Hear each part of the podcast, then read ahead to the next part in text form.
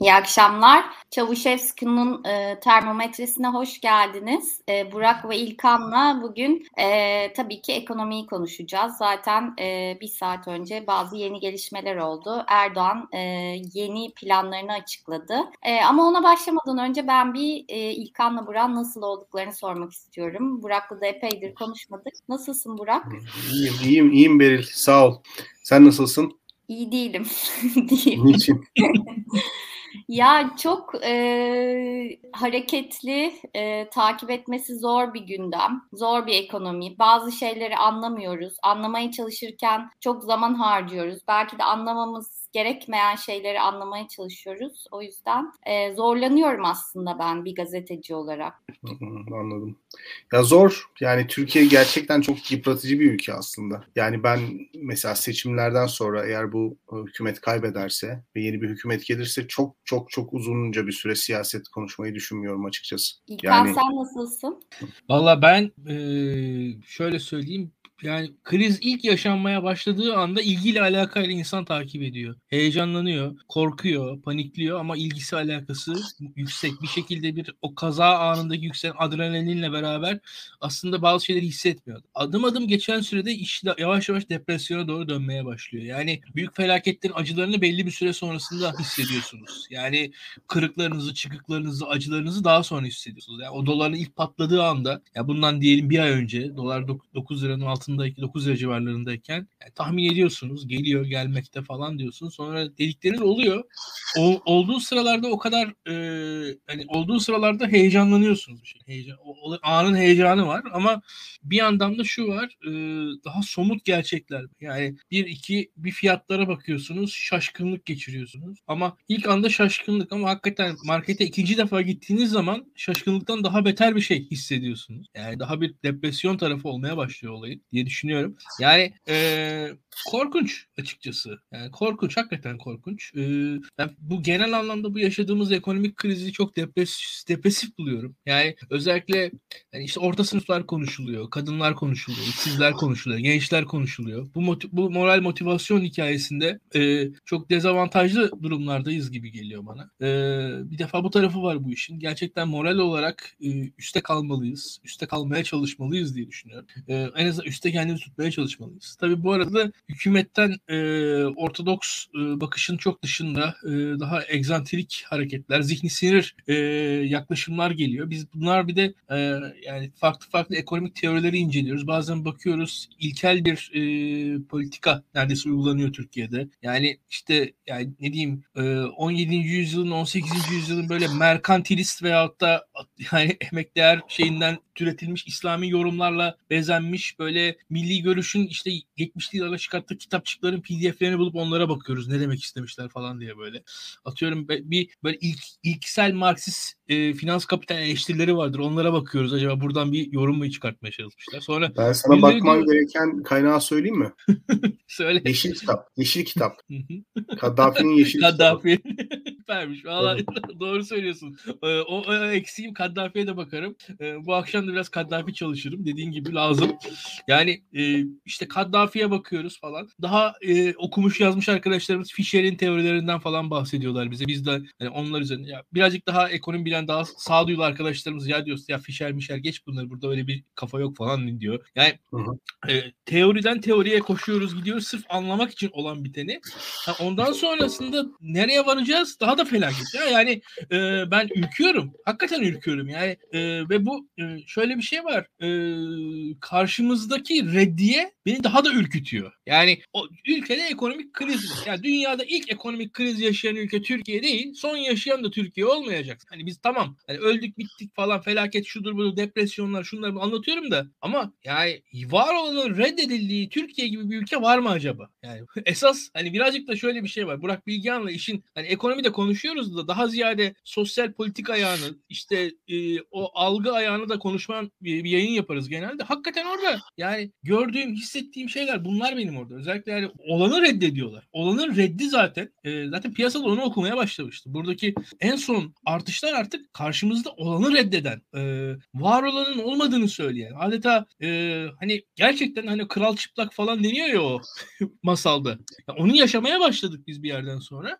Yani e, korkunç bir şey. Ve şu anda da hani e, piyasada bir karar alınıyor. İşte faizin adına faiz denmiyor. Başka bir şeyin adına başka bir şey deniyor falan. Ve biz bunun üzerinden gidiyoruz. E, korkunç. Hakikaten korkunç e, düşünüyorum. E, ko- yani ben korkuyorum açıkçası. Ürperiyorum, Bu çekiniyorum. arada, bu arada e, bugün e, Ali Babacan'ın Cüneyt Özdemir'e verdiği e, röportajı dinledim. Orada faizle ilgili enteresan bir şey söylemişti aslında bu dini yorumlarla ilgili. E, hani enflasyon kadar faizin faiz kabul edilmediği e, yorumlar da varmış ve bunlar daha önce devlet içinde konuşulmuş. E, bu benim daha önce hiç duymadığım bir şeydi. Siz ne dersiniz? Yani, ya şöyle bir şey var zaten e, ben ben de işte bugün tweet attım yani dün atmıştım onu. E, Ebu Suud Efendi gelse şu an bu hükümetin yanında Kemal Derviş gibi kalır. Yani şu anki hükümetin dini yorumuna baktığımız yani şu Ebu Suud Efendi'nin fetva verdiği caizdir dediği e, zamanlı şartları gereği zaten o sırada Beril biliyorsun Ebu Suud Efendi zamanında Amerika keşfedilmiş yavaş yavaş e, Güney Amerika altınları Avrupa'ya gelmekte ve bir enflasyon ortamı var. Paranın değeri düşüyor ve o, o düşen para değeri karşısında da Osmanlı sisteminde o borç harç vesaire sistem gitmediği için e, bir şekilde faizi işin içerisinde sokmaya çalışıyorlar. Muamele bedeli falan tarzında bir e, yaklaşımla beraber aslında %12'ye kadar faize cevaz veriyor e, Ebu Suud Efendi. Yani şimdi böyle şeyler var Osmanlı'da bile. E, zaten e, bunun vakıfları falan var. Yani bunun yolları, yan yolları falan İslam içerisinde de bulunmuş az. E, ama tabii şöyle bir şey var. Total reddiye de gayet İslam içi bir yorum. E, şu an İslami bir yorumu e, ana e, safkan ekonomi gerçekliği olarak kabul etmiş durumda gibi gözüküyor hükümet taraftarları. E, yani burada enflasyon nedir? Enflasyon yani hangi ekonomiden bahsediyoruz? Senyoraj nedir? Para basılan bir dönemdeyiz vesaire. Bunlara geçersek hiç bunun sonu yok. Yani, yani, basit, yani İslami olarak bakalım. Yani İslami olarak ortaklığın başlangıcı ve sonu vardır. Mesela borsada hisse alıyorsunuz, 3 saat sonra satıyorsunuz. Bu İslami olarak caiz midir mesela? Böyle yorumlara girersek zaten çok daha e, hani sigortanın mesela İslami olarak ne kadar karşılığı var. Bunun gibi çok şey var yani bu vahim bir durum. E, Ali Babacan dediği de doğru yani İslami kesimde birazcık daha esnek yaklaşmaya çalışan insanlar var. E, yani burada şöyle söyleyeyim yani Kuytul e, hocanın takipçilerine bakalım. O enflasyon zaten biraz düşük açıklıyorlar diyor. Enflasyonun birkaç puan üzerine bile cevaz veriyor mesela. Daha radikal İslamcı. yani şu anda aslında e, Kuytul'dan daha radikal bir pozisyonda enflasyon faiz ilişkisini yorumlayan bir hükümetimiz var yani. Onu da söyleyebilirim. E, böyle tek tek bakarsan e, çok daha farklı e, faiz enflasyon ilişkisinde yorumlar, İslami yorumları bulabilirsin ama yani bu, bu da bize ne katacak bilmiyorum. Yani e, korkunç ya yani hakikaten korkunç. E, son e, gelişmeleri de şöyle söyleyeyim. Yine e, hükümet ne karar verdi? İşte paranızı TL'de tutun, e, zararınızı ben karşılayayım dedi. Faizin üzerindeki zararı. E şimdi biz geçen yayında ne demiştik e, burada? Hatırlıyor musunuz? Ben burada şey demiştim. E, Enes'le konuşurken. Ya demiştim işte e, Türkiye'de eskiden %20 enflasyon olurdu. %20 enflasyon olduğu sırada dolar yüzde 5 artardı. Yani enflasyondaki artış aslında dolara o kadar yansımazdı. Kura o kadar yansımazdı. Şimdi ve zaten bu da aslında yabancı sermayenin Türkiye'ye girerkenki güvenini sağlardı. Daha fazla yabancı sermaye girmesini sağlardı. Şimdi öyle bir noktaya getirdiler ki e, enflasyonla dolara birbirine endeksledi hükümetimiz şu an. Yani bir yandan bakarsan öyle bir şey yaşıyoruz ki bize düne kadar şunu diyordu. Ya dolar diyelim 10 liradan 15 liraya çıktı. Peynir fiyatı da 20 liradan 30 liraya çıkmasına ne gerek var? Kardeşim bu inekler dolar mı yiyorlar diye bu yorumlar geliyordu. Şimdi bir baktık ki e, TL'yi zaten dolara hükümetin kendisi endeksliği verdi. Yani aslında dolara endeks endeksli şekilde zamlar yapan insanlar gayet doğru şeyler yapıyorlarmış noktasına geldik. Yani bu, bugüne kadar argümanlardan biri buydu. Zaten argümanlar cehennemindeyiz Beril. Yani çok korkunç bir şey. Çünkü öyle bir e, sistem sistem dışı bir kaotik bir savunma hani kaos futbolu denir ya böyle kontrolsüz e, ön, önü arkası olmayan binlerce farklı argüman birbiriyle zıt hepsiyle mücadele etmek, etmeye çalışıyoruz. Birisi diyor işte hükümetin politikası gereği dolar artıyor diyor. Aynı anda hükümetin politikası Türkiye saldırı yüzünden dolar artıyordu. İkisini aynı anda söyleniyor. Ya devam ediyoruz işte e, bir yandan dolar bundan dolayı hani her şeyin fiyatı dolarla artmalı mı? İşte millet fırsatçı deniyordu. Şu an bir baktık tüm her şeyi dolara zaten hükümetin kendisi bağlayıverdi. Yani bunlar böyle e, korkunç bir şeyler. Ha, şunu da söyleyeyim. E, ben e, şu olan bir tane de e, yine biraz kulağa tersten göstermek. Burada arkadaşlardan bir tanesi çok güzel benim o Nema örneğini vermişler. Necmettin Erbakan'ın başbakanlığı sırasında Erbakan e, faizi adına ağzına almadı. Faiz kelimesini kullanmamaya çalıştı hükümet programları sırasında. Nema dedi dedi o zamanlar. faiz yani işte %50 nema dağıttık falan filan o tarz şeyler söyledi durdu. Ee, yani şu anda da faizin adını faiz koydular ki bu nasıl uygulanır onu da beraberce göreceğiz ki hala bilmiyorum ben. Yani ben hala kafamda şöyle şüpheler var. Mesela işte atıyorum bankanın biri %2 faiz verdi diyelim mevduata. Dolardaki artışı farkı şey yapacak mı? Yani hükümetimiz mi tamamlayacak arkasını? Bunu hangi e, legal çerçeveyle tamamlayacak? Yani kimin parasını nereye tamamlıyor? Yani o, o da onun e, e, hukuki çerçevesinde Ve hangi nasıl... kaynakla tamamlayacak tabii. E, zaten tabii şimdi e, zaten orada şeye doğru da gidiyor. Bu e, yani TL bazını, TL piyasadaki TL miktarı öyle ya da böyle artacak demektir. E, piyasadaki TL miktarı artınca zaten e, dolar da doğal olarak art dolar kurda dolar doğal olarak artacak. Do, dolardaki artış yine bu sefer TL'deki diğer artış tetikleyecek. Yani e, sürdürülebilir bir şey olduğunu düşünmüyorum. Ve hatta yani İbrahim Turan'ın tweetleri falan var. Ona da bakabilirler. Oradaki oranlar falan da açık e, çok sıkıntılı. Şu anki e, halin uygulanabilirliğini ben çok görmüyorum. Ha nedir en uygulanabilir hali? E, yani birazcık da sağlığı düşününce mevcut TL mevduatlarının TL'de kalmasını sağlamaya çabası gibi geliyor bana. Yani ben bu kadarını görebiliyorum. Yani onu, hmm. onu onların en azından TL'de kalan, TL'de duran mevduatların zarar etmemesini garanti etti hükümetimiz. Yani onlara öyle bir şey sağladı diye düşünüyorum. Bu tabii her şey çok hızlı olduğu için anlamlandırmak, ne olduğunu anlamak, etrafımızdakilere sor sorsak bile tam cevap alamıyoruz. Onlar onların da anlamlandırması için zaman geçmesi gerekiyor. E, ama bu konuda gördüğüm e, en anlamlı açıklama e, Ümit Akçay'dan bir tweetti. E, onu şimdi yansıtırsak. Hı. İki seçenek vardı. Çok yüksek faiz artışı ya da sermaye kontrolü. Bugün açıklanan programla üçüncü seçenek ortaya çıktı. Kamu bütçesini kullanmak. Detaylar ortaya çıksın konuşalım ama çok önemli olabilir. Hı hı. Ne diyorsun buna? Ya şöyle Türkiye'de kamu bütçesinde bir rahatlık vardı. O doğru. Yani o, o hakikaten e, hani o açıdan doğru ama bu bütçe kamu bütçesinde de şimdi mesela bizim Enes'in yayınında da hükümetin belli ölçülerde borçlanma yollarına dair e, açıklamalarda bulundu Tayyip Erdoğan. Evet, yani Tayyip Erdoğan kamu, açıklaması... kamu borçlanma senedi demişti Enes yayında. Bugün de o Aynen. açıklandı zaten. Aynen öyle. O kamu ya daha fazla borçlanacağını gözüküyor. Bu bir, bir ölçüde e, hükümetin e, zaten şunu da gösteriyor. Bu anlatılan şeylerle şunu da söyleyeyim ben. Hani mevcut kurlarla ithalat öyle ya da böyle düşecek. İthalat düştüğü zaman da hükümetin e, belli ölçülerde e, gelir kalemleri de azalacaktır Türkiye'de. Yani ithalat düştüğü anda Türkiye'de vergi gelirleri azalıyor hükümet. E, o, o bağlamda da hükümetin borçlanma çabası olacağını tahmin ediyorum ki bu işte asgari ücretteki indirimler falan onların da bütçe ciddi maliyetleri olacaktır. E, yani burada benim kafamda hala oturmayan şeyler var. Yani beraberce göreceğiz. ben de yüzde yüz biliyor değilim yani buradaki şeyleri.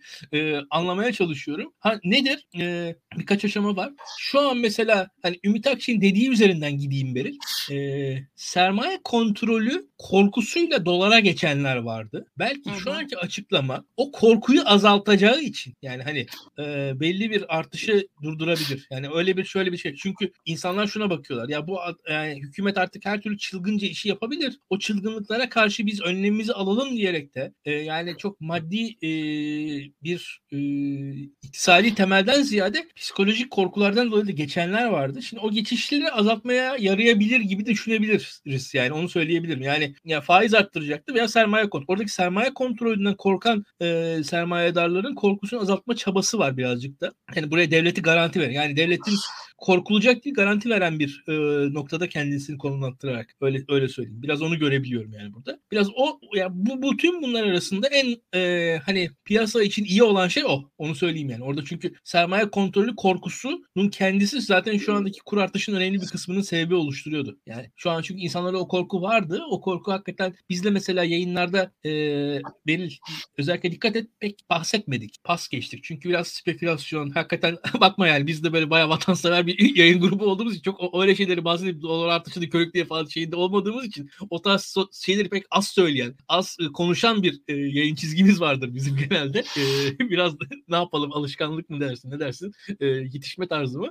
E, ama hakikaten o korku özellikle şu anki artışın bir kısmıydı. Şu an onu biraz dingin, yani dizginleyebilir diye düşünüyorum ama şöyle söyleyeyim ben özellikle enflasyon yani biz tabii Türkiye olarak döndük dolaştık Beril. E, hepimiz biliyoruz 90'ları yaşadık. E, 90'lara geldik yani tekrar bir yüksek enflasyon ortamının içerisindeyiz diye düşünüyorum. Burada aslında e, şöyle bir durum da yok mu? E, yani Erdoğan siyaseten aslında e, yine siyasetçiliğini yapıp aslında önümde iki seçenek var ama benim ben, benim kendi yolum bu. Ben size üçüncü bir seçenek sunuyorum diyerek aslında yine bir anlamda her zaman yaptığı gibi bir siyaset yapmadı mı?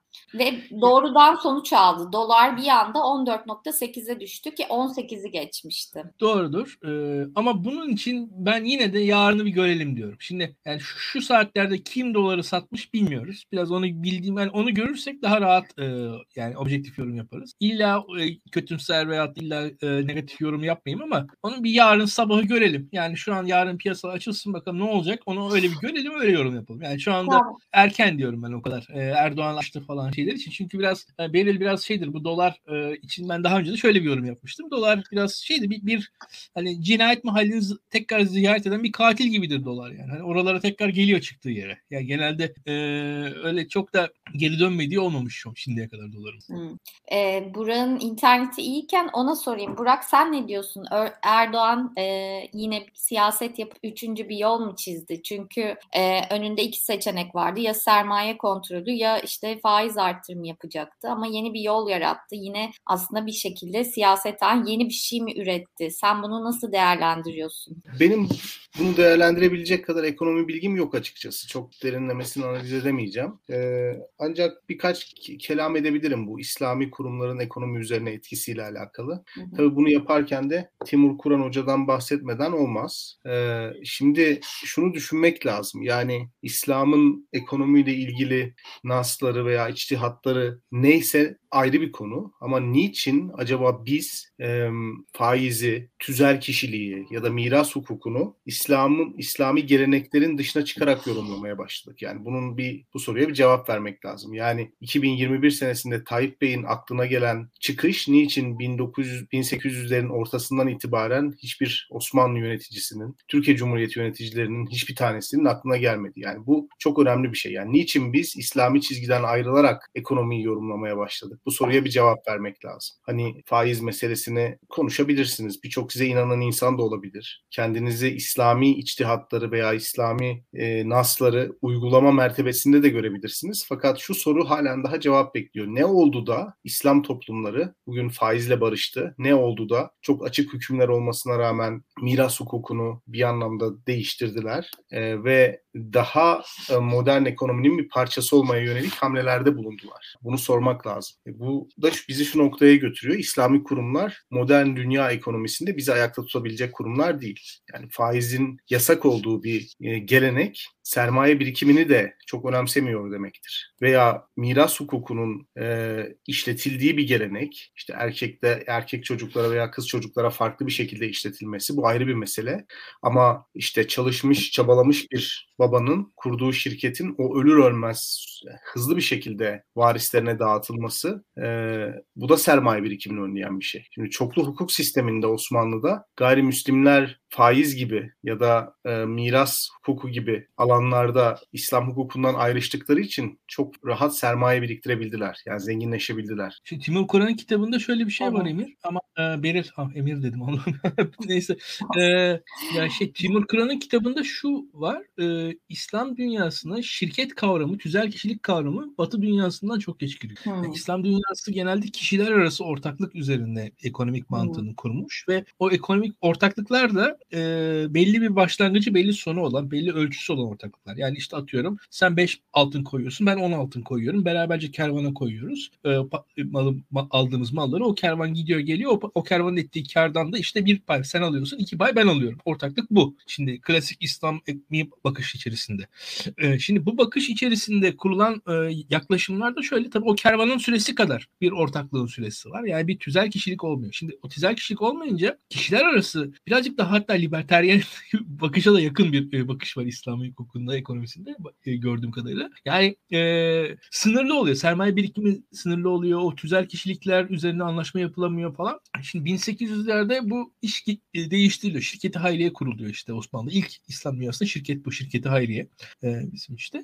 Onun arkasından da bu modern sistemleri yavaş yavaş İslami ülkeleri kendi e, hukuk anlayışları içerisinde, kendi dini anlayışları içerisinde yerleştirmeye çalışıyor. İşte şirketi yerleştirmeye çalışıyorlar, e, sigortayı yerleştirmeye çalışıyorlar, borsayı yerleştirmeye çalışıyorlar. İşte e, burada faizle bir şekilde yani İslami finans e, opsiyonları olarak yerleşmeye başlıyor işte. E, şimdi mesela helal endeksler falan var. Yani öyle farklı farklı şeyleri yerleştirmeye çalışıyor. İşte mesela Bitcoin he, haram mı helal mi tartışılıyor atıyorum. Böyle böyle çok tartışmalar var. Ya bu tartışmalar şimdi bir yandan e, yani din şöyle bir şey. E, kimlik oluşturan bir e, fenomen din ve o kimlik de böyle bir şeylerle bu ayrıştırma e, sınır çizgilerinden bir tanesi olabiliyor bu. Yani bu daha önce işte başörtüsü oldu mesela sünnet böyledir zaten klasik örnektir. Atıyorum burada da faiz de bunlardan birisi olarak bazen düşünülüyor bazen konuşuluyor çok fazla tartışılıyor. Tutunamayanlar yani benim hikayem bu. Bir türlü bu hatta tutunamıyorum grupo. Ve o romanın İngilizce çevirisinin ismi de The Disconnected. Tam bir disconnected durumdayım şu anda. Ya bu programda. Hani haftalardır tutunamıyorum. Nedir peki ee, problem? Telefondan bağlansaydın? Her yerden, ütüden bile bağlandım olmadı verildi. yani bir, bir türlü yapamadık onu. Ee, her neyse yani şunu söylemek istiyorum ben. Ee, hani bu İslami kurumlar kendilerini modern ekonomiye durduk yere adapte etmediler. Hani dünyada bir ulus devlet sistemi yükseliyor. Onların uyguladığı bir ekonomi paradigması var ve çok pragmatik. Yani din, e, ekonomi alanından, siyaset alanından, sosyal alandan dışlandıkça verimlilik de artıyor. E, yani bunu kabul etmek lazım. Bunu e, anlamak isteyen arkadaşlar e, Vail Hallak'ın son imkansız devlet kitabına bir baksınlar. Yani İslam devleti Müslümanla mümkün e, ve e, seküler devlet de aslında ulus seküler ulus devlet de seküler insanlarla mümkün demek oluyor bu. E, Avrupa'da din sosyal hayattan, siyas siyasal hayattan, ekonomi hayatından çıktıkça verimlilik artıyor. Çünkü hani o dinlerin insana bahşettiği e, şerefli mahluk olma sıfatı artık ulus devletle beraber insanın daha istatistiğe dönüştüğü, verimlilik e, ile değerlendirildiği yani verimli olduğu sürece takdir gördüğü bir duruma geliyor. Dolayısıyla ekonomi prensipleri de biraz bu anlamda şekilleniyor. Onu söylemek lazım. E, bu şekillenen ekonomi prensipleri tabii işte faiz gibi sermaye birikimine vesile olan enstrümanları da zorunlu kılıyor. Şimdi Osmanlı'nın ayakta kalabilmesi için o ekonomik gerçekliğe e, adapte olması lazım. Mesela tüzel kişilik meselesi e, İslam dünyasında, İslam ekonomik düşüncesinde yok 19. yüzyılın ortasına kadar. Hani şirketin sahibi var ve sahibinin cismiyle yani özel kişiliğiyle şirket arasında bir ayrım yok. O şirket o adamın, o dükkan o adamın. Yani şirketin sahiplerinden ayrı bir şekilde tüzel bir kişiliğinin olabileceği düşüncesi. E, dolayısıyla şirketin başarılarından ve başarısızlığından şirketin ortaklarının sorumsuz olma düşüncesi İslam toplumlarında yok. Öyle bir doktrin gelişmemiş ama bunu benimsemek zorundasınız. E bunu benimsediğiniz zaman şirket kağıtlarının ikinci el piyasada el değiştirmesi. Dolayısıyla yani borsa dediğimiz hadisenin ortaya çıkması. Bu da zamanla işte kendi içinde bir kültür oluşturmak zorunda. E, dolayısıyla bu bir yatırım aracına dönüşüyor. Yani şirket ortaklığı bir yatırım aracına dönüşüyor. Yatırım aracına dönüştüğü zaman da siz ülkedeki fiyatların genel gidişatına bakıyorsunuz ki karda olup olmadığınızı anlayabilirsiniz. O yüzden enflasyon gibi bir parametre var. E, enflasyonu ölçmek zorundasınız. Enflasyonu ölçtüğünüz zaman da e, işte sizin ülkenizde yatırım yapmak isteyen yabancıların işte getirip dövizlerini bozdurması, yerli paraya geçmesi gibi durumlar söz konusu oluyor. O zaman da işte döviz kuru gibi, faiz haddi gibi kavramları siz kabul etmek zorunda kalıyorsunuz. Yani modern dünyada ayakta kalabilmeniz için, şirketlerinizin zenginleşmesi için, vatandaşlarınızın refahının artması için ve günün sonunda sizin daha fazla vergi toplayabilmeniz için ekonominin gerçekleriyle barışmanız lazım. Hepsinden önemlisi Osmanlı gibi çok kültürlü bir toplumda gayrimüslimlerin Müslümanlara karşı daha fazla zenginleşmesi gibi bir durum ortaya çıkıyor. Yani ortada büyük bir uçurum var. Neyse ki 1850'lerle beraber atılan adımlarla hani o uçurum kapanıyor. Aslında Birinci Dünya Savaşı'na girerken o uçurumun kapandığını çok iyi anlatıyor Timur Kuran ama dediğim gibi o uçurum eğer İslami kurumların naslarıyla, İslami geleneklerin naslarıyla hareket edilseydi kapanmayacaktı. Şimdi tekrar hiç bunlar yaşanmamış gibi yani hiç bu hikayeler yaşanmamış gibi tekrar 19. yüzyılın ilk yarısına dönme gayreti bize hiçbir şey getirmez. Yani piyasa Tayyip Bey'i terbiye eder. Onu söyleyeyim. Yani Ama... terbiye etmezse bile şöyle şöyle söyleyelim. Terbiye etmezse bile yani bu politikada ısrar edilirse vergi gelirleri düşer. insanların refahı düşer. Yani sonuç açıkça söylemek gerekirse bu olur. Ee, yani piyasanın böyle bir gücü var. E, bu da sizin askeri gücünüze etki eder, siyasi gücünüze etki eder. Yani modern dünyada siz buna karşı savaşarak var olamazsınız. Bir şey söylüyordun özür dilerim. Yok hayır şunu söylemeye çalışıyordum. Hani 1900'lere dönmekten ziyade şöyle bir durum var aslında Türkiye'de. Yine e, bugünkü Türkiye'ye özgür bir durum. E, kurumlar var. E, kurumların ne kadar işlevsiz hale getirildiği, içlerin boşaltıldığı, e, burada çok tartışıldı. Daktilo'da başka yerlerde de. E, sanki kurumların içinin boşaltılıp başka bir e, anlayışla kurumlar yeniden şekillendirilmeye çalışılıyor gibi bir durum var. E, ama bu bir şekilde e, dünya gerçeğiyle, günümüz gerçeğiyle bağdaşmıyor. Burada bir deneysel bir şey var gibi. Bilmiyorum ben şu an senin söylediklerini dinleyince böyle bir yorum geldi aklıma. Ne dersin? Ya Adalet ve Kalkınma Partisi'nin burada e, e, hani denediği ekonomi teorisi bence mecbur kalındığı için tercih edilen bir yol. Yani Tayyip Bey ister ki Türkiye'ye döviz aksın, faiz oranları düşük olsun, işte ne bileyim dolar tahmin edilebilir olsun, işsizlik %5-10 arası bir yerde gidip gelsin. Yani işler böyle gittiği sürece AKP'nin faiz kavramıyla da bir sorunu yok dövizle de bir sorunu yok. AKP'nin sorunu ne zaman başlıyor? İşte bu para akışı olmadığı zaman başlıyor. E bu para akışının olmadığı da ben çok kaba konuşuyorum. Kusura bakmasın ekonomistler ama Türkiye'nin otoriterleşmesi ile birlikte olan bir şey. Buradan şu anlaşılmasın otoriter olmak demek illaki e, sizin mantıksız davranmanız anlamına gelmiyor. Yani dünyada Singapur gibi, Rusya gibi, Çin gibi otoriter olan ama iktisadi rasyonalitesini kaybetmeyen ülkeler var. Türkiye'nin otoriterliği çok kalitesiz çok kalitesiz çünkü kurumsal otonomiyi Tayyip Bey kendisine karşı bir vesayet mekanizması olarak algılıyor ve kendi yakın çevresi dışında kişiler tarafından yönetilen AK Parti'nin çıkarlarını partizanca savunmayan insanlar tarafından yönetilen kurumlar üzerinde hakimiyetinin olmadığını düşünüyor. O kurumsal kapasiteye ve kurumsal otonomiye saygı duymuyor. Buradan tehdit algılıyor. E bunun da sebepleri var. Konuşabiliriz ama günün sonunda hani Rütük Başkanı'na baktığınız zaman, Merkez Bankası Başkanı'na baktığınız zaman, TÜİK Başkanı'na baktığınız zaman yani bu insanlar genelde yakın çevreden tek özellikleri sadakat olan insanlar. Partizanca AK Parti'nin çıkarlarını savunmak olan insanlar. O da kurumsal kapasiteyi tabii haliyle indiriyor. E böyle olunca hem otoriterlik hem tahmin edilemezlik, öngörülemezlik e, bir şekilde e, Türkiye'ye olan yabancı para girişini sınırlandırıyor. Böylece insanlar da Türk Türkiye'deki yaşayan insanlar da dolara talep gösteriyorlar ve bir şekilde insanlar dolar talep ediyor. E, Tayyip Bey'in sorunu tam bu anda başlıyor. Yani bu sefer nerede hata yaptığını sorgulamak yerine yani kendisinin yönetim felsefesinden dolayı işlerin bu noktaya geldiğini sorgulamak yerine sorunun kaynağını sürekli olarak dışarıda arıyor. Sorunun kaynağını dışarıda aradığı için çözümü de kendisinin dışındaki yerlerde buluyor. Yani kendisini düzeltmek ya da kendisinin yönetim felsefesini değiştirmek yerine çözümü başka yerlerde arıyor. Yani sorunun kaynağını eğer dış güçler veya dış operasyonlar gibi yerlerde ararsanız çözümü de İslam'da bulursunuz tabii ki. Yani çünkü o zihniyet İslam'ın kuşatılmışlığı üzerine kendisini yetiştirdi. Yani yıllarca. Eğer sorunun kaynağını yönetim felsefesinde, otoriterleşmede, keyfileşmede ar- ararsanız yani burada bulursanız çözümü de yeni kurumlar kurumlar ihdas ederek, yeni kurumları harekete geçirerek ya da yeni bir bürokrat tipiyle çalışarak, yeni bir kadroyla çalışarak bulabilirsiniz. E, ikincisini tercih etmiyor tabii ki. Birincisine daha yatkın. Dolayısıyla sorunu yanlış teşhis ettiği için çözümü de yanlış öneriyor. E, bunun Türkiye'ye götürebileceği bir yer yok. İlkan'ın söylediklerinin nereye bağlanacağını muhtemelen izleyiciler merak ediyor. Evet. Bu sefer de şöyle bir şey oluyor. Yani hani aslında bal gibi de faiz olan, hani bal gibi de emeksiz kazanç olan, işte bal gibi de modern ekonomiye uygun olan kavramların ismini falan değiştirmeye başlıyorlar. Yani ekonomi terbiye ettikçe yani aslında faiz ama değil. Hani bugün açıklanan ekonomi paketi. Yani bugün dolar Türkiye'de enflasyon kadar artar aşağı yukarı. Faiz oranları bugün %14-15. E, Türkiye'nin enflasyonu %30. Eksi 15 faiz veremeyeceğinize göre dolarla arasındaki farkı kapatıyorsunuz. Yani aslında bir şey veriyorsunuz insanlar. Yani adını başka türlü koyuyorsunuz. Etrafından dolaşıyorsunuz. İşte bu nema kavramı doğru söyledi. Tam olarak böyle bir şey.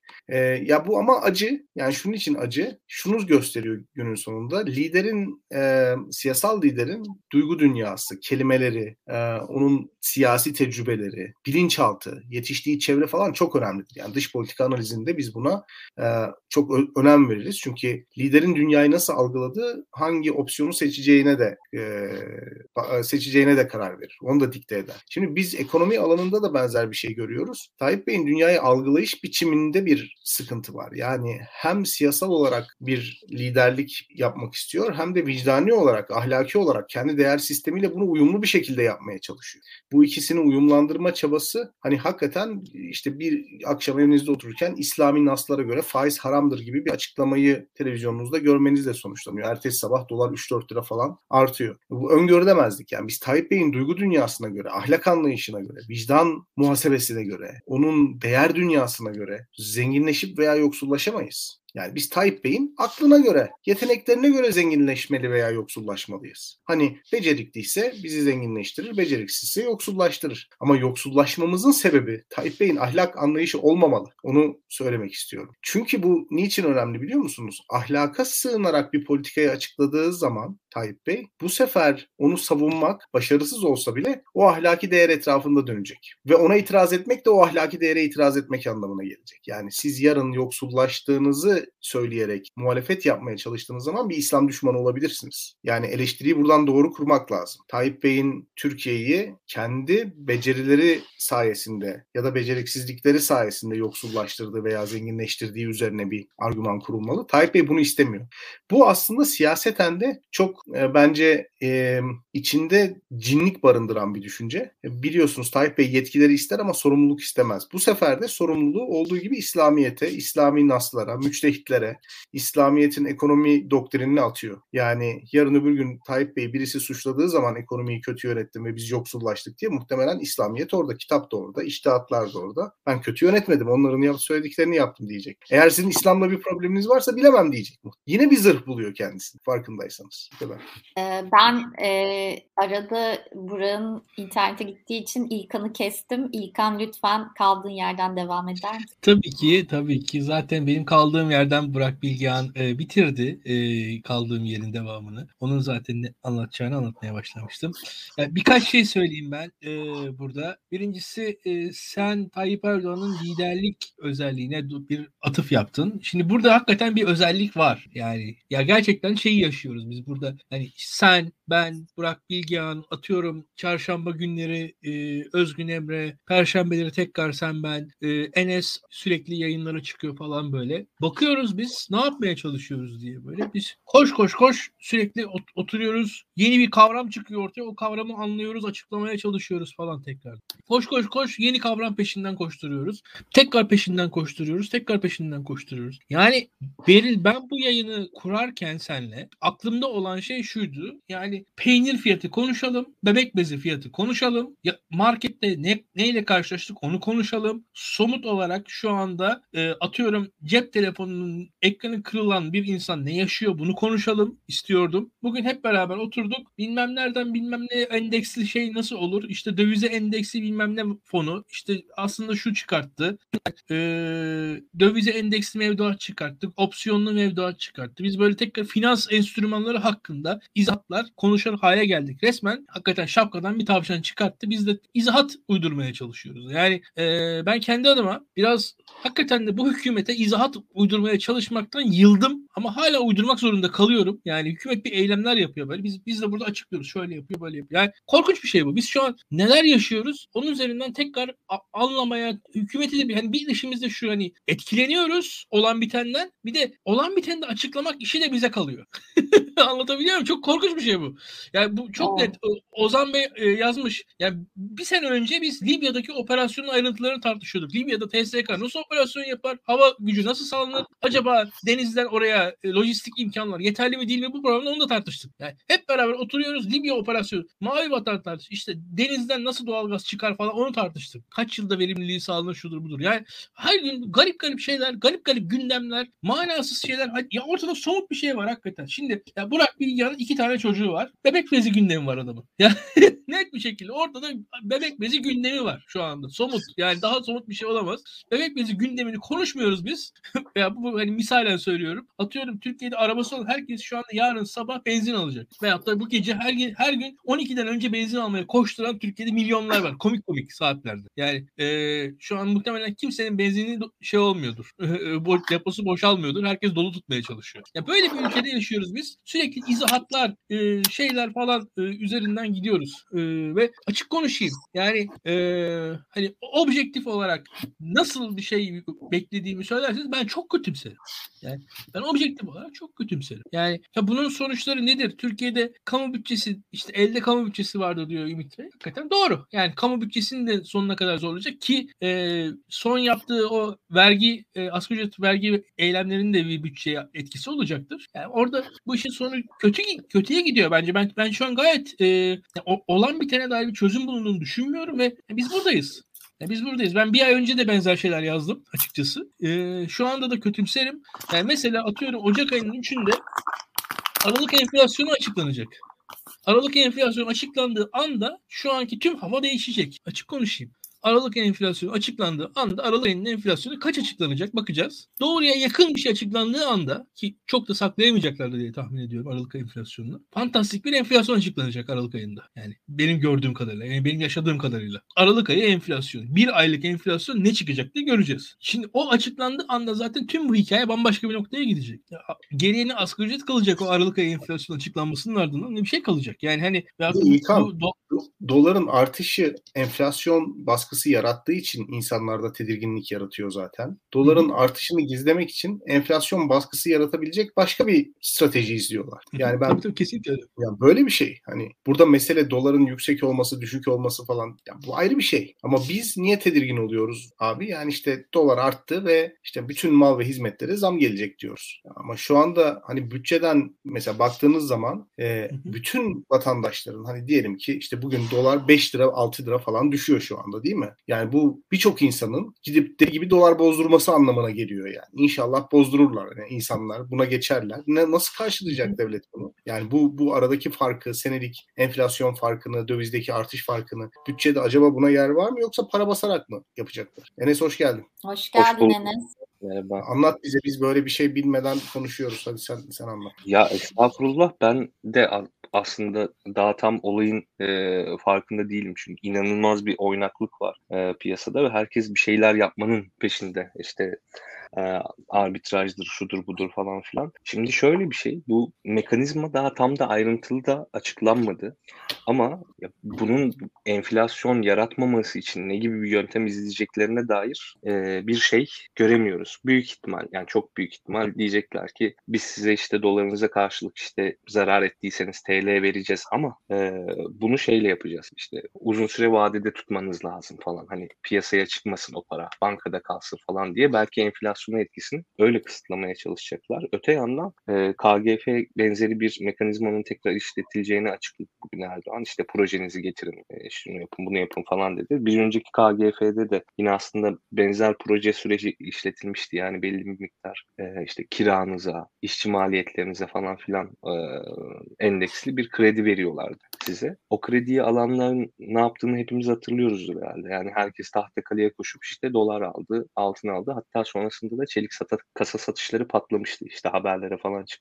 Çelik kasacılar çelik kasa yetiştiremiyorlardı. Bunun nasıl önüne geçecekleri noktasında çok bir fikrim yok. Yani bunun önüne geçmek için işte polisiye tedbirlerle e, işte döviz bürolarına belli bir satış sınırı mı koyarlar ya da işte e, belli böyle fiziki döviz veya altın alınıp satılan yerlere farklı bir e, engel mi çıkarmaya çalışırlar bilmiyorum ama bunu yaparlarsa bu sefer de neredeyse ikili bir kur sistemi yaratacaklar. Yani doların altının işte dışarıda daha pahalı olduğu, bankada daha ucuz olduğu bir sistem evet, evet, yaratılma evet. aşamasına gelinir. O da ayrı bir sıkıntı. Onu yap evet. yani yapmayacaklarını düşünüyorum. Ama e, ben onu gene daha önceki programlarda da söylemiştim. Şeyin doların e, maksimum üst sınırı benim kafama göre ve işte benim yaptığım çeşitli analizlere göre 10.5'tu. 10.5'tan sonra ben artık doları takip etmek noktasında çok büyük sıkıntı yaşadım. E, şimdi bambaşka bir evrendeyiz yani bunun nereye gidip nerede kalacağını bilmiyoruz ve bugünkü oynaklık e, yani artık benim izah getiremeyeceğim bir oynak. Yani e, bu denli doların düşmesi veya çıkmasını nasıl olacak, nasıl yapacak, yarın bir gün bu işler nasıl çözümlenecek? İnanın bu konuda bir fikrim yok. Bunun şöyle bir etkisi olabileceğini düşünmüş olabilir piyasa. İşte insanlara aslında dövizden çıktığı için para verecek ya devlet Türk lirası verecek.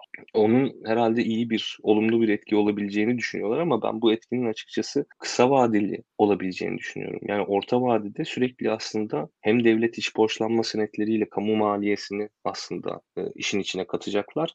Hem de işte Merkez Bankası zaten bu şeyi yaratmak için, bu kaynağı yaratmak için para basacak. Şu an her şey böyle doların şu seviyelerde falan kalmasına bağlı gibi duruyor. Yani eğer bu seviyelerden yukarı çıkarsa tekrar dolar o zaman bu anlattıkları her şey çökecek. Ama bu seviyelerde kalması durumunda belki bir miktar işlerliği olabilir fakat bunun da dediğim gibi çok uzun süreceğini düşünmüyorum. Biraz böyle kısa vadeli bir şey gibi geliyor bana. Ama şeyi ben dediğim gibi çok izah edemiyorum. Bu e, varlıkların Türk lirası cinsinden inanılmaz düşüşünü ve Türk lirasının da bu kadar e, düşüşünü çok izah edemiyorum. Hatta bir daha mesela kontrol edeyim. Şu an kripto para piyasaları 24 saat açık olduğu için oraya bakıyorum.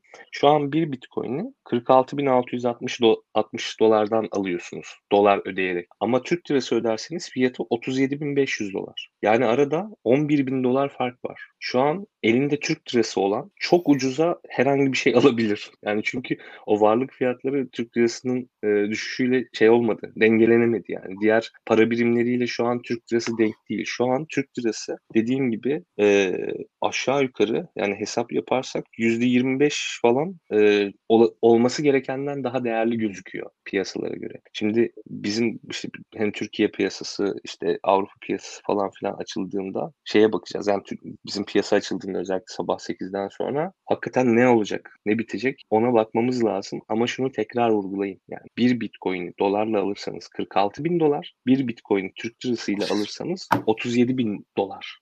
Yani inanılmaz bir şey bu. Bu dengesizliği artık hani izah etmekte dediğim gibi zorlanıyorum. Ama bu ani düşüşler, ani çıkışlar bu artık paranın yani neredeyse bir para olmaktan çıkıp inanılmaz spekülatif bir varlık haline dönüştüğünü gösteriyor. Normalde yani şunu kimse istemez. Şu an şu an mesela doların 1 lira olmasını ister misiniz? Aslında hepimiz ister gibiyiz değil mi? Ama birden 1 lira olmasını istememeniz lazım. Çünkü doların bu seviyesinden çeşitli anlaşmalar yapıldı. insanlar doların bu seviyesinden çeşitli ürünler ürettiler vesaire. Çok uzun bir süre birçok insanın farklı bir e, evreye geçeceği, çeşitli firmaların hızlıca batabileceği falan bir sürece doğru götürebilir bizi bu. Yani piyasada olan her şey bu oynaklıklar böyle derin olduğu sürece iniş de olsa, çıkış da olsa çok zararlı. Zaten hani çok hızlı bir şekilde çıkmıştı. Ee, bir de bu kadar hızlı bir şekilde daha da aşağısına düşmesi çok garip yani. Çok hakikaten şey e, anlam vermekte zorlanıyorum. Dediğim gibi yani şeye bakmak lazım. Yani bunu nasıl uygulayacaklarına bakmak lazım. Derlerse ki işte sen dolardan e, şu kadar kar edecektin. Türk lirası mevduatta tuttuğun için şu kadar zarar ettin. O zaman sana yani bir yıl e, vadeli para veriyorum. Yani banka hesabına para yatıracağım ama bir yıl boyunca bozamayacaksın ve sürekli böyle yapacaklarsa hani belki bir nebze enflasyona daha az etkisi olabilir gibi ama onun haricinde şu an yaptıkları şey enflasyonu inanılmaz artıracak bir hamle gibi duruyor.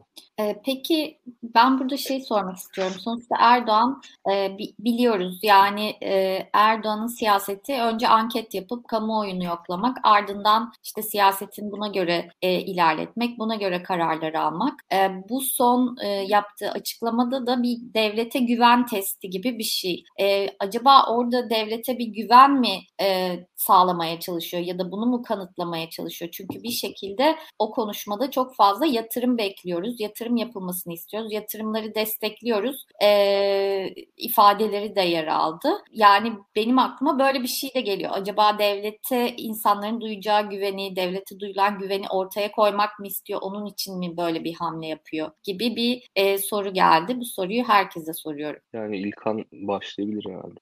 Sesin kapalı abi. İlkan sesin kapalı. E, Tayyip Erdoğan'ın ben e, hani Enes haklı. E, anketlere e, göre hareket ettiğini düşünüyorum.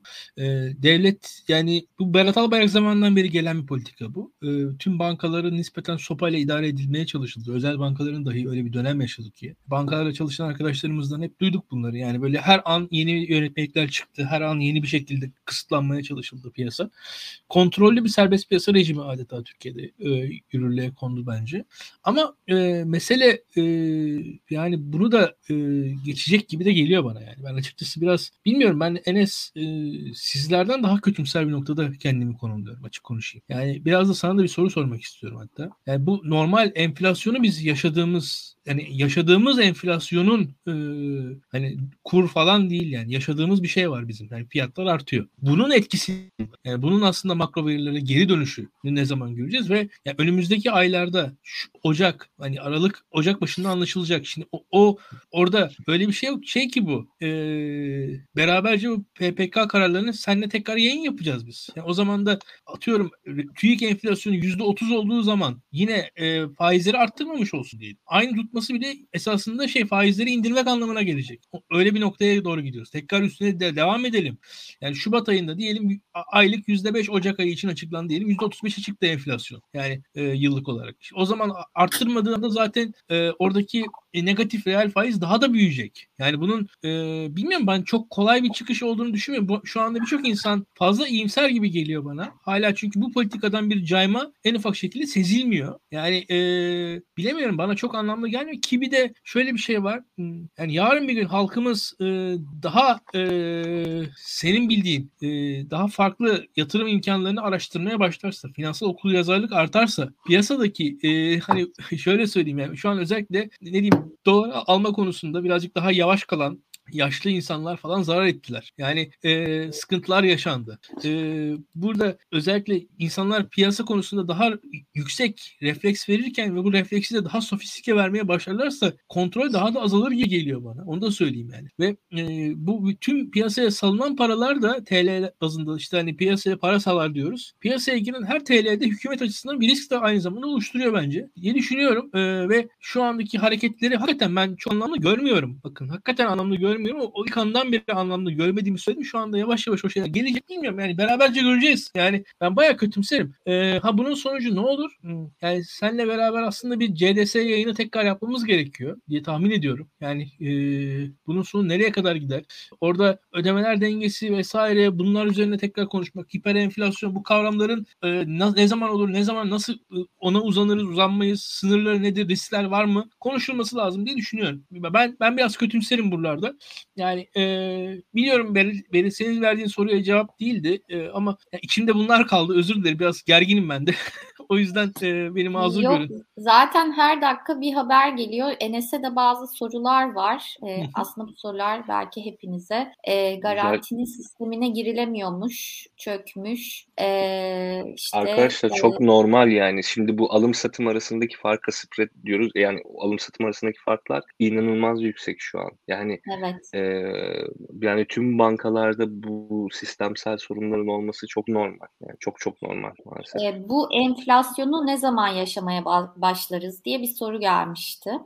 Eğer ben bugünkü açıklamaları yanlış anlamadıysam, bakın yanlış anladıysam, nasıl bu işte bu sistemin nasıl yürüyeceğini yanlış anladıysam, e, o zaman açık yüreklikle yanıldım derim, tamam mı? O zaman bilmiyorum ne zaman etkisi yaşayacağımızı. Ama yanlış anlamadıysam, hakikaten biraz önce söylediğim şeyleri yapacaklarsa çok hızlı bir şekilde hemen yaşamaya başlarız. Ama Türkiye garip bir ülke. Türkiye bir gece yarısı Instagram'dan Hazine ve Maliye Bakanı istifa ettiğinde normalde doların moların yükselmesini beklerken hani bir dengesizlik olacak diye doların falan düştüğü, borsanın yükseldiği, yeniden böyle piyasalarda bahar havasının falan esebildiği bir ülke.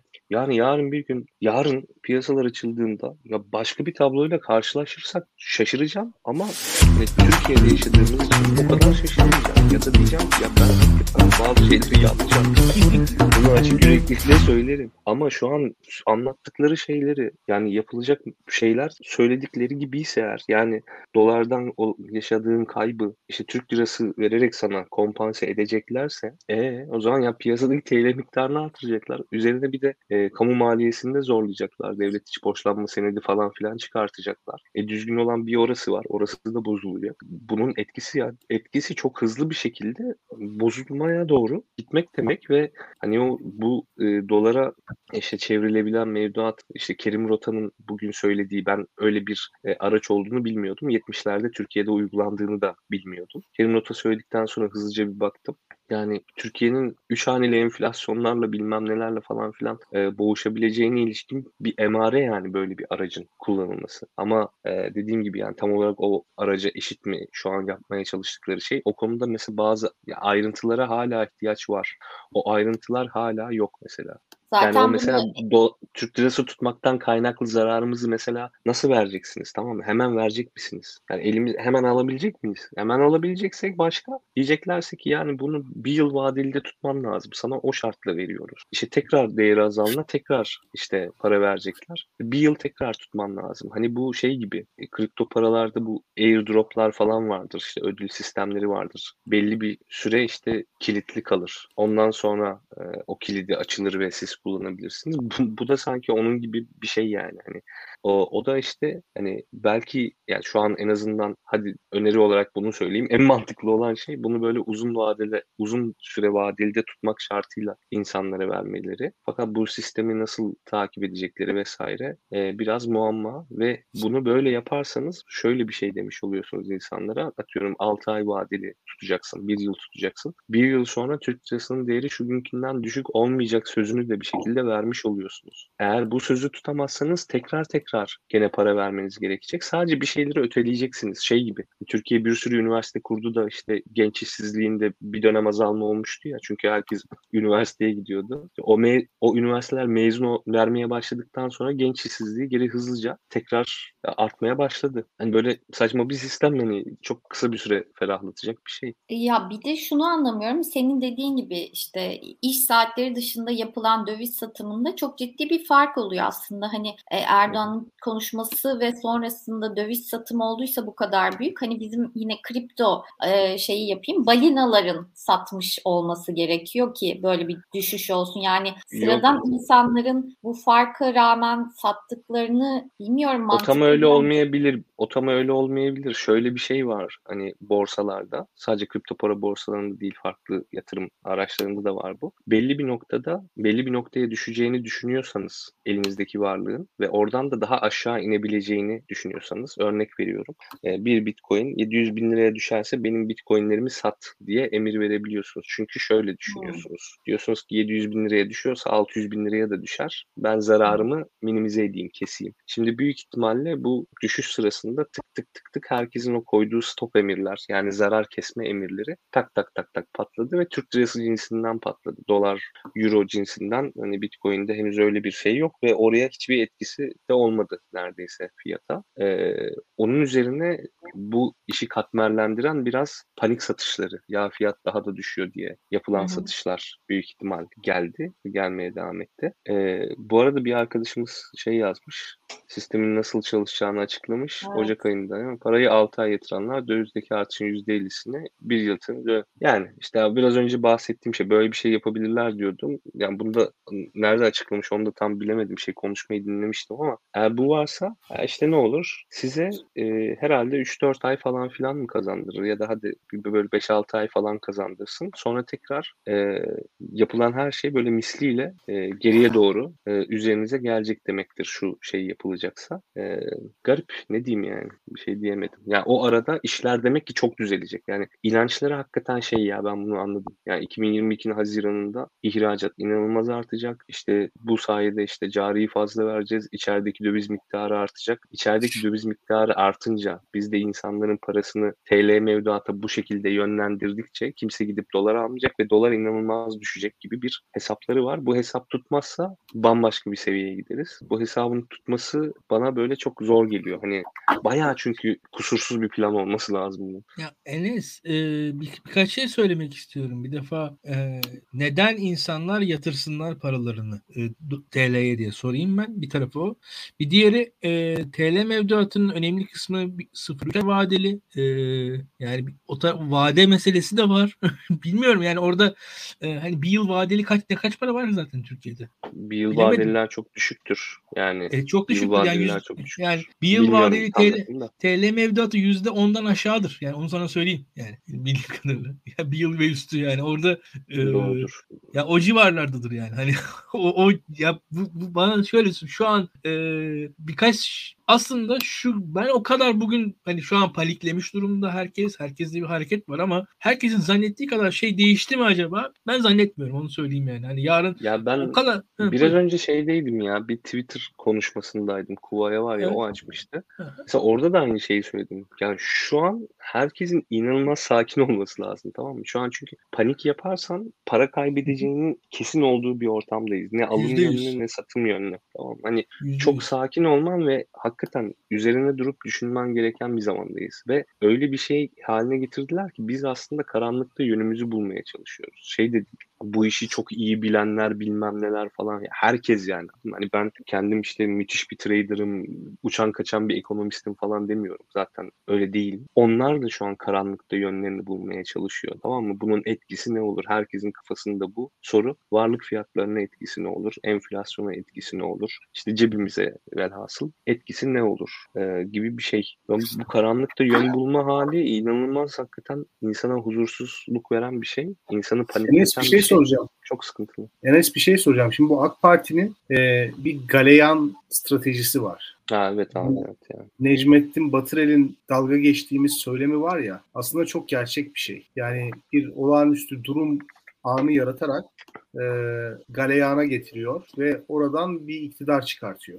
Yani 18'den 12'ye düşürmek, sonra kalabalıkların bağırması, işte bütün ana akım medyanın yayına girmesi, büyük başarı gibi sunulması gibi şeyler. Bu bir strateji. Hani mesela Barış Pınar operasyonu büyük bir başarısızlıktı ama başarı diye sundular. Yani ve böyle hani birden insanlar bağırmaya başlıyor. Tuttururlarsa devam ediyorlar orada. Yani o bu algı kelimesiyle çok kafayı bozmuş insanlar ya bunlar. Bir şekilde oradan bir şey tuttururlar. Mesela Barış Pınar operasyonunun başarısızlık olduğunu kimse bilmez Türkiye'de. Çok bağırdıkları için. Şimdi acaba bu e, doların ani düşüşü e, piyasanın kendi koşullarından mı kaynaklanıyor? Kumanda edilen, komuta edilen bir operasyon da olabilir mi?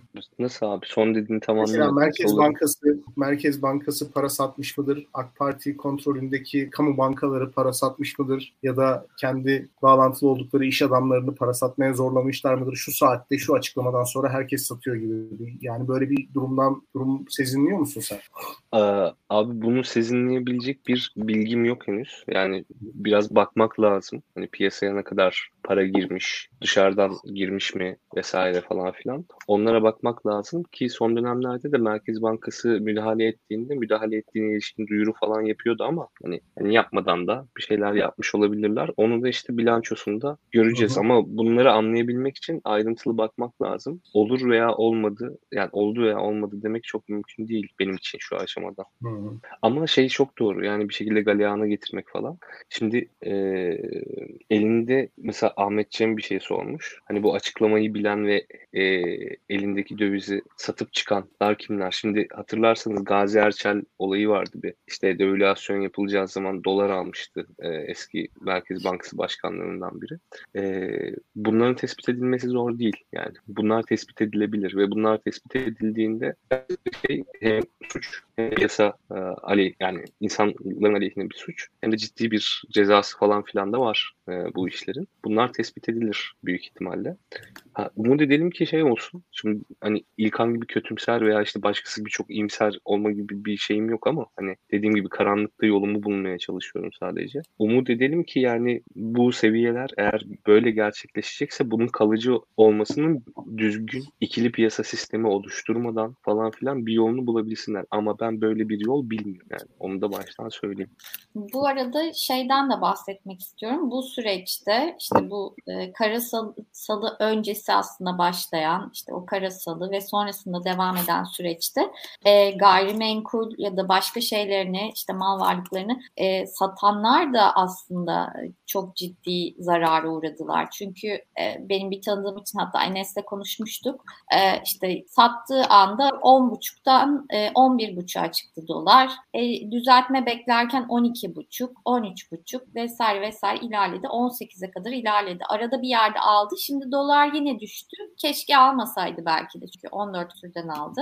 E, yani bu e, volatilite nedeniyle piyasadaki satış fiyatları da e, yani neredeyse dolar 20 TL'ymiş gibi fiyatlar çekiliyor. Yani o piyasada aslında bir anlamda donmuş ve durmuş durumda. Şu anda kimse alım satım yapmak istemiyor. E, piyasadaki mallarını geri çekiyor. Fiyatın düzelmesini bekliyor. Aslında bir de onun da bir etkisi var. Orada dönen ekonomi de durmuş durumda. Fiyat dengesizlik durumlarında bunlar yaşanır. İşte Apple son dönemde iki kere ürünlerine zam yaptı. Neredeyse %100'e yakın Apple ürünlerine zam gelmiş durumda. Mesela bir örnek olarak fiyat bu fiyatlar tekrar düşer mi doların düşmesi sayesinde? Evet. Burada mesela önümüzde aslında bir soru işareti var. Yani bu nasıl düşecek? Çünkü orada bir fiyat yapışkanlığı dediğimiz bir mekanizma var. Çok konuştuk onu. Burada herkes aşağı yukarı nasıl olduğunu biliyordur ama fiyatların düşmesi fiyatların çıkmasından çok daha zordur. Bunun da sebepleri evet. var. Şimdi fiyat yükseliş, maliyet bu hızlı maliyet artışlarında dolardan falan filan kaynaklı başka bir şey de olabilir. Siz gelecek dönem alacağınız malın, temin edeceğiniz hizmetin fiyatını bugünkü sattığınız şeylere yansıtırsınız ki bir sonraki gün, bir sonraki ay neyse o malı, hizmeti tekrar temin edip karlı satabilir. Bu fiyat artışına sebep oldu mu? Şimdi ne oldu? Siz zaten o yüksek fiyattan mal aldınız, hizmet aldınız onu tekrar ucuz fiyattan satamazsınız. Zararına satamazsınız çünkü. Ya Ama da stoktaki malınızın değerini düşüremezsiniz. Ama söylediklerim mallar için geçerli. Yani gayrimenkul ve Hizmet araba için, için geçerli değil aslında. Yo şöyle e, eğer şey olursa hani siz arabayı 400 bin liradan aldıysanız bir bayi olarak işte ya dolar düştü diye 300 bin liraya satmanız çok düşük bir ihtimal. Elinizdeki ürünler bittikten sonra ancak fiyat düşüşünü gerçekleştirebilirsiniz. O sürede de belli bir şekilde mal kıtlığı falan filan yaşanması durumu olur. Şimdi onun için fiyatlar hızla çıktığı gibi hızla düşmez. Orada bir işte fiyat yapışkanlığı dediğimiz mekanizma da öyle oluşuyor. Bunun tabii başka sebepleri de var ama aşağı yukarı mevzu bu. Ee, şimdi ne olacak? Fiyatların hızlıca düşüşünü görmeyeceğiz. Tabii bir miktar düşüşe düşüş olabilir bu e, şeyden dolayı, bu düşüşten dolayı ama bu düşüşün ne kadar süre devam edeceğine ilişkin hani İlkan'a biraz katılıyorum. Yani ben de o konuda biraz e, kötümserim. Yani bu seviyeler ne kadar devam eder? Onu tam bilemiyorum. Çünkü burada herhangi bir şey şu an iyileşmedi. Yani ekonomimiz iyileşmedi. Mesela bu işte bugün tweette attım işte faizsiz bankacılığı işte az çok anladık da hani bu faizsiz faiz dediğimiz biraz önce anlatılan sistem yani fa yine bir faiz sistemi aslında. Sizin yani faizin en nema işte. Eğer başka bir ürüne karşı sizin ürününüz değer kaybediyorsa ben sana farkını ödeyeceğim diyor. Aslında seni nemalandırıyor yani faiz veriyor sana. Ama faizi artırmadan faizi artırmış gibi oluyor. Faizsiz faiz yani. Bu da işte yeni bir e, bakış açısı, yeni bir yöntem. Ama bunun etkisi işte o faizsiz faiz olduğu için e, bir miktar gevşeme olabilir. Fakat dediğim gibi bu gevşemenin ne kadar süreceğine ilişkin benim açıkçası biraz kuşkularım var. Ha, burada Erdoğan açıklamamış başka biri açıklamış. Bir kamu bankası yöneticisi açıklamış evet. Evet bu, bu, bu mesela nasıl bir hmm. değişiklik yaratabilir ki? Tüketici davranışında. Ama ekonomikus bunu görüp ne düşünür mesela? Hani dövizden paramı çekip Abi, bankaya mı yatırayım der? Şöyle olabilir. Şimdi elinde döviz olanın e, dövizden çıkmasına sebep olacak bir şey değil bu. Ama Türkiye'deki son günlerde yaşanan dövizdeki artışın en önemli nedenlerinden biri herkesin sürekli döviz alıyor olmasıydı. Kimsenin satmıyor oluşuydu. Hı hı. E, döviz almakta, yeni döviz almakta olanlarda bir isteksizlik yaratabilir. Ama Yaratır elinde mı? dövizi olan ya yaratabilir. Yaratır yani sonuç ya bence uzun vadeli etkisi olmaz ama yine de yaratabilir. Çünkü adam hani gidecek, döviz alacak işte alım satım farkı vesaire şu bu falan. E şimdi bir de e, şey olduğu için zaten dövizde kazanacağın aynısını Türk lirası cinsinden de verecekler ama sana uzun bir vade sunuyorlar. O vadede eğer dövizin e, çok artmayacağını düşünüyorsan alırsın büyük ihtimalle. Ama dediğim gibi bu mekanizma bak burada da tam açıklanmıyor. Yani burada dövizin aylık ortalamasını mı alacaksın, günlüğünü mü alacaksın, her gün aradaki aradaki fark yatırılacak mı? Aylık mı yatırılacak? Sonra o her ay mı yatırılacak? Hani o fark ne demek yani onu anlamadım. Yoksa sen işte Türk liranı çekmeye çalıştığında o arada oluşan farkı mı ödeyecekler? Yani bu mekanizma da hala tam açık değil. Bir kamu bankası yöneticisi anlatmış ama belki haberin içinde yazıyordur bilmiyorum ama e, şeyi tam bilemiyorum. Yani gene ayrıntısı yok. Çok ayrıntılı bir şey ya bu bu arada. Yani bunun üzerine bayağı bir şey yapmak, çalışmak falan lazım. Yani şu an dediğim gibi karanlıkta yolumuzu bulmaya çalışıyoruz sadece. Ya ben size kişisel naçizane tahminimi söyleyeyim. Bu, bu program uygulamaya girer. Bir iki ay zaman kazanır hükümet. Bir iki ay sonra biz rakamlara bakarız. Turizm mevduatında herhangi bir azalma görmeyiz muhtemelen. Bak bir arkadaş şunu yazmış demiş hani haberin içeriğini dedim görmedik ama hem döviz farkı verip hem faiz verecekmiş. Yani ben açıklamalardan onu anlamadım tam bilmiyorum. Yani e, kazandığınız faiz dövizdeki artışı karşılamıyorsa üstünü vereceğim. Üstünü yine Türk lirası olarak vereceğim demişti Erdoğan. Yani, yani yarın başka bir açıklama mı yapılacak acaba? koyuyoruz. O onu 6 ay bir sene sonra iste, döviz olarak çekebiliyoruz. Aynı zamanda koyduğumuz mevduatın yıllık faizini de mi ödeyecek? Ya ben anlamadım ama benim anladığım şey şu Erdoğan söylediğinden. Diyelim işte yıllık yüzde e, kaçtı faiz ya bankaların verdiği faiz sanırım 13 civarlarında 13-13,5 civarlarında mevduata. Ee, eğer dolar %13'ten daha fazla artarsa üzerindeki farkı Türk lirası olarak size evet, verecekleri öyle. ben bunu anladım Erdoğan söylediğinden. Öyle. Ama haberin içeriği nedir, doğru mudur, yanlış mıdır? İşte yani ya, bir kamu bankası yöneticisi hani bilemiyorum bana. Şöyle bir şey, şey var. Gelmedi. Ya Enes hani e, ya diyelim bir bankada diyor ki ben yüzde iki faiz veriyorum. Tüm farkı devlet mi karşılayacak onda da yani? Bu kamu bankacılık... herhalde bu. Bu, ben de bak abi onu da şey yapamadım. Hani ya o zaman mesela şöyle madem, de bir şey Madem kamu Eğer... karşılıyor ben yüzde iki ver, yüzde yarım veririm. Ben nasılsa kamu karşılıyor ben banka olarak da onu yaparım ya, yani. Mantıklı olan bu ama büyük ihtimal onu yaptırmazlar. Ama öte yandan şöyle bir şeydi. ya o zaman ben mesela kredi faizleri diyelim kredi faizleri yüzde yirmi beş falan galiba ihtiyaç kredisi. Şimdi ben doların yüzde yirmi beşten artacağını düşünüyorsam şimdi onu alıp ne bileyim Türk lirası mevduata yatırıp tekrar hani oradan da para yani TL'den TL kazanabilirim böyle daha yüksek faiz alabilirim aslında. Ha, e, biraz böyle bir karmaşık bir sistem de var. Evet o da var. O da var. Yani hakikaten ya Abi açıkçası karmaşık. ilginç. Karmaşık hakikaten karmaşık. Yani e, bir de şimdi ben e, işte bu Hakan Kara'nın attığı tweet'e baktım. E, orada da yani hakikaten kamu maliyesi bayağı bir dolarize oldu diyor yani orada. Abi kesinlikle bak devlet hiç borçlanma senetleri hem dolara yani yabancı para cinsinden yani onlara endeksli çıkartılacak hem de Türk lirası cinsinden de artar. Ben söyleyeyim zaten birkaç gündür onu söyleyip duruyorum. Bu devlet hiç borçlanma senetleriyle bunlar hani bir şeyler yapacaklar falan filan. Çünkü gidiş oraya doğru. Yani o dolar borcunu bilmem neyi, dolardaki işte hani özel sektörün borcudur şudur budur hepsini belki kamu kesimi hani bir şekilde üzerine e, almaya başlayacak yavaş yavaş. Ya, o Enes, kısımda büyük bir bozulma göreceğiz. Şimdi e, ben hatta yani bu olay ilk çıktığı zaman e, bir e, Adalet ve Kalkınma Partisi destekçisi şey tweetini atmıştı. İşte bütçemiz şöyle sağlam falan diye bir tweetler atmıştı. Ben de şey demiştim. Türkiye'de vatandaş fakir, devlet zengin zengin demiştim. Yani e, elde olan şey oydu hakikaten. Gördüğüm şey de buydu. Hatta şöyle söyleyeyim ben şu an Türkiye'de gidersiniz bakarsanız birkaç büyük merkez hariç Türkiye'deki tüm e, yerlerde en lüks arabalar kamu görevlilerindir. En lüks e, binalarda kamu binalarıdır. Yani Türkiye'deki ortalama bir ilçeye gittiğiniz zaman en lüks bina kamu binasıdır. En lüks arabaya da vali kaymakam biner o ilçede. Genelde o oluyor Türkiye'de ne yazık ki. Şimdi böyle bir dünyada var. Devlet zengindi. Şöyle objektif hatta 90'larla kıyasladığım zaman ben devletin zenginleştiğini görürdüm. Şu anda devlet e, aslında yani e, enteresan bir risk alıyor üzerine. Onu da söylemem lazım. Bunda e, bir kenar. Bunu ben bunu yorumlayacak ekonomik bilgisi bilgiye sahip değilim yani. O riskini aldığını görebiliyorum. Abi şöyle e, büyük ihtimal hani devlet birçok riski üzerine alacak. Hani bu erken seçim şayiaları vesaire var ya. Hı hı. Ben hani dediğim gibi böyle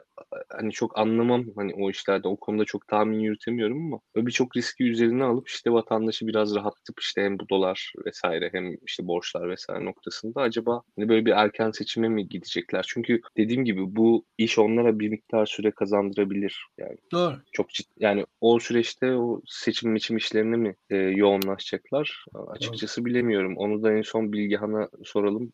hani... Tabii temel amaç o. Yani bu e, Japon e, fon şirketi Nomura değil mi? Nomura evet. E, yani aslında baktığınız zaman onların istihbarat raporuna uyumlu ilerliyor her şey. Ben bugün Yiğit Bulut'un bu misak milli tweetini de öyle okudum. E, yani piyasayı biraz paraya boğma, e, asgari ücretleri yükseltme. Zannediyorum bugün mesela öğrenci burs ve kredilerinde de büyük bir artış olmuş. doktora öğrencileri 2000 e, bireysel emekliliğe de zam yaptılar. Katkı payına evet. zam yaptılar. Hı. Ya bilmiyorum mesela Abi, doktor 1900 öğrencisi zaten. 1900 2550'ye çıkartmışlar. E, lisans da 650 idi 850'ye çıktı. Yani asgari ücrete yapılan zamdan çok daha düşük. Yani neticede dağıtıyor, biraz genişliyor. Ee, işte kamu e, kredi garanti fonu gibi uygulamalara gidebilir. Kamu bankaları yine muslukları açabilir. E, yani bizim milletimiz seviyor böyle şeyleri. Hani parayı alıp dolara yatırıyor ve kazanıyor. Hani genel gidişat pek kimsenin umurunda değil. Ee, dış politikada bir atraksiyon yapabilir diyorlar ve olağanüstü hal ilan edebilir diyorlar. Bunların hepsinden birer puanlık bir oy artışı bekliyor gibi bir tahminleri var ama bu adımların da günün sonunda bir hiper enflasyona sebep olacağı gibi bir şey konuşuluyor. Bunda Mart ayı gibi düşünüyor ekonomistler. Dolayısıyla dolar short diyorlardı bunlar. Yani yeni hükümet gelecek ve e, dolar düşecek gibi bir yaklaşımları vardı. E, yani şu anda şu durum mesela hayal yüklemesi e, hani doların artışla mücadele stratejisinde hazineye ekstra yük getirmesi falan bunlar çok normal şeyler değil. Ben erken seçim sinyali olarak algılarım bunlar. Çok açık söyleyeyim. Şimdi abi bir arkadaş yazmış mesela bu bir yıl vadeli verecekler ya. Hı-hı. O vadesi gelmeden erken seçim yapılırsa ne olur? yani aslında tüm yükü seçim sonrasına atmış olacaklar. Ya çünkü yük o zaman oluşacak. Enflasyon o zaman olacak. Hadi diyelim ki insanlar böyle bir şeyi kabul etti ve TL vadelilere geçtiler. O zaman çok büyük büyük bırakmış oluyorlar şeyin üzerine. Seçim Ama yani seçimi kazanabileceğini düşünüyor şu anda. Yani kazandıktan sonra yani burada şöyle düşünmek lazım. Bu tip sistemlerde o sistemin ana çekirdeğinin hayatta kalabilmesi için birçok şey feda edilebilir. Yani bugün işte o Rütük Başkanı'nın, iletişim başkanının, işte ne bileyim Merkez Bankası Başkanı'nın, gazetecilerin hani ne kadar sayılarını bilmiyoruz ama danışmanların yani onlar şu anda kendi hayatta kalmaları üzerine bir plan kuruyorlar. Yani bu politikaların kolektif iyilik adına bir bir amacı yok. Hani bütün ulusun ekonomisini iyileştirme gibi bir amaçları yok. Bu politika uygulanıyorsa bunun tek bir amacı var. Seçimlerde bir şekilde %50 artı bir alıp kaçmak. Ondan sonrası tufan. Yani ondan sonrasına bakacaklar. O kadar uzun vadeli düşünmüyorlar. Valla yarın öğleden yani... sonra bir program daha yapalım. Açık net söylüyorum. Şu anda yani hani e, tüm olan biteni görelim arkadaş, bir program daha yapalım yapalım. Vallahi size şöyle bir şey söyleyeyim. Ya bu ekonomik çalkantılar yüzünden yemin ediyorum insanlar işine gücüne odaklanamıyor. Bak biz de dahil ha. Yani program yapa yapa ya işimizden gücümüzden kaldık. Ya bu Öyle. ne rezalettir Yapacak bir şey yok. Şu Herkes anki şartlarda yani ya, yapmamız gece gerekiyor. olmuş ama. saat gece olmuş bilmem saat kaç 400 kişi bizi izliyor ya. Ben ya anladın mı hani bizim kanalın da o kadar takipçisi falan yok. Başka kanallara bak dolar diye yayın aç 1 milyon kişi izleyecek ya. Bu kadar hakikaten arkadaş yani. Hatta şey dolar 10 lira olacak falan diye yayın yani biz biz gene insani başlıklar falan atıyoruz. Çok şey yapmıyoruz yani. Ha evet öyle şeyler var ya. Clickbait başlıklar var. Kaç bin kişi izliyordur acaba şimdi? yani böyle dolar gitti gidiyor düştü düşüyor falan filan diye böyle dolarımı yaktım falan diye şey attı attım. dolar işte tuvalet kağıdı oldu falan diye. Ya tuvalet kağıdı da pahalı. Şimdi şey de değil. Ee, ya, Peki. Açık konuşayım ben çok e, ben çekiniyorum. Bir, birkaç şey söyleyeyim. Ben Burak Bilgehan'ın anlattıkları şeyler Burak Bilgehan'ın genelde anlattığı gibi mantık çerçevesinde olan şeyler. Yani e, Barış Pınarı Zeytin Dalı harekatları zamanında da mantık çerçevesinde şeyler söylemişti. Şu an ben o kadar mantık çerçevesinin e, son kararı aldıracağına inanmıyorum. Öyle söyleyeyim. Yani e, hükümet kısa vadede ben çok inanmasam da sizin dediğiniz gibi e, belli bir e, bahar havası oluşturabilirse nasılsa bahar havası oluşturdum deyip e, seçimi öteler gibi geliyor bana. Ve onun öteler. arkasından yine aynı şeyle karşılaşırız gibi geliyor. Öteler ben, mi? Öte, ben öteler gibi bana öteler gibi geliyor. Yani ben e, ben Tayyip Erdoğan'ın uzun zamandır açıklamalarına inanan bir e, yorumcu oldum. Tayyip Erdoğan ne diyorsa Sayın Cumhurbaşkanımız dediklerine ben inanıyorum. Yani hani şu anda da seçim yok dedi. Ben seçim olmadığına inanan bir yorumcuyum. O, o noktada kalıyorum. Çok e, görmüyorum yani. yani orada çünkü e, belli bir riskin olduğunu görüyor şu an Tayyip Erdoğan. Orada o riskin olduğunu görüyor. Yani e, ve elinde iktidar var. Var olan elindeki iktidarı e, o iktidardan bir yıl vermek istemez gibi geliyor. Benim hissettiğim Tabii orada bir şey daha var. Muhalefetin dağınık görüntüsü de tabii seçim sürecini uzatıyor. Yani şu anda hani bunu da söyleyip kapatalım. Muhalefetin başkan adayı belli olsa, bu başkan adayı Merkez Bankası Başkanı'nın kim olacağını açıklasa. İyi bir ekonomist yurt dışından mesela Merkez Bankamızın başına gelecek dese. Konuştuk, anlaştık. Ee, kabinesinde öne çıkan isimleri söylese. Ee, bu DEVA gelecek gibi partiler muhalefet blok, bloğuna dahil olsa. Yani bütünleşik bir görüntü çizilse. E, Tayyip Erdoğan'ın her söylemi tek bir adam tarafından karşılansa ve etkili bir söylemle karşılansa bu muhtemelen karşı tarafı eritir, çözer. E, şu anda böyle bir durum yok. Yani mesela Tayyip Erdoğan topu atıyor. Deva Partisi Genel Başkan Yardımcısı, İyi Parti Milletvekili, CHP Sözcüsü hepsi bir şeyler söylüyorlar. Yani tamam kötü, kötü. Ama tek bir aday üzerinden o servisi karşılama kültürü muhalefette halen daha yok maalesef. Yani mesela bugün A kişisi aday olarak çıksa ve her hükümet politikasına akıllıca cevaplar verse, yönetebileceğinin sinyalini verse, kabinesi belli olsa, bürokratları belli olsa hakikaten bu AK Parti'deki çözülüşü de seçim sürecinde hızlandırır bana sorarsanız. Yani e, Kesinlikle katılıyorum. Son bir şey de ben söyleyeyim, ben ekleyeyim. Biraz önce gördüm Durmuş Yılmaz'ın şeyiydi. Şimdi bunlar faizsiz faiz artırımı yaptılar ya, yani faizsiz faiz ödeyecekler insanlara. E, TL'nin değeri arttı diyelim. E, ne oldu hani bir ihracat, rekabetçi kur işte ihracat falan filan. Hani güya öyle bir şeyler vardı. Ha, ne oldu yani? O iş ne oldu? Hani ne oldu? İhracat yapamayacağız mı artık yani? İnanılmaz ya. Peki Ya bu ben arada- bir şeyler söylemek istiyorum. Tabii, Değil, yapıp. Ee, ben İlkan'a katılıyorum sanırım e, bütün bu konuşmada. E, bence Erdoğan'ın bir paterni var. E, kendi krizlerini yaratıp kendi yöntemleriyle çözüyor. Ve kendi yöntemlerini e, kendi seçmenine satıyor. Ve burada kendi seçmenine bir faiz artışı satmadı. Başka bir şey sattı. E, ve bence bu başarılı olabilir. E, ve buradan da zaman kazanabilir. E, desteğini bir şekilde e, bir arada tutabilir. E, ve bunu bir şekilde yani klasik bir yol izliyor aslında. Hep aynı şeyi yapıyor. Kendi krizini yaratıyor ve sonra kendi yaratıcı çözümleriyle o krizden bir çıkış yaratıyor. Ve insanlara e, bir anda bir para, mutluluk, yeni bir resim çiziyor. Yeni bir şey vaat ediyor ve bunu tekrar yaptığını düşünüyorum. Ben bunun kendi seçmeninde e, ve hani kararsızlar nezdinde bir potansiyel taşıdığını düşünüyorum. E, ve erken seçimin önüne geçebileceğini düşünüyorum. Şimdi bütün konuşmaları dinledikten sonra ben de böyle yorumlamak istedim. İlkan'a katılıyorum dedin, bana katıldın dedin. evet Sana İlkan katılıyorum. daha kötümserim demişti. ben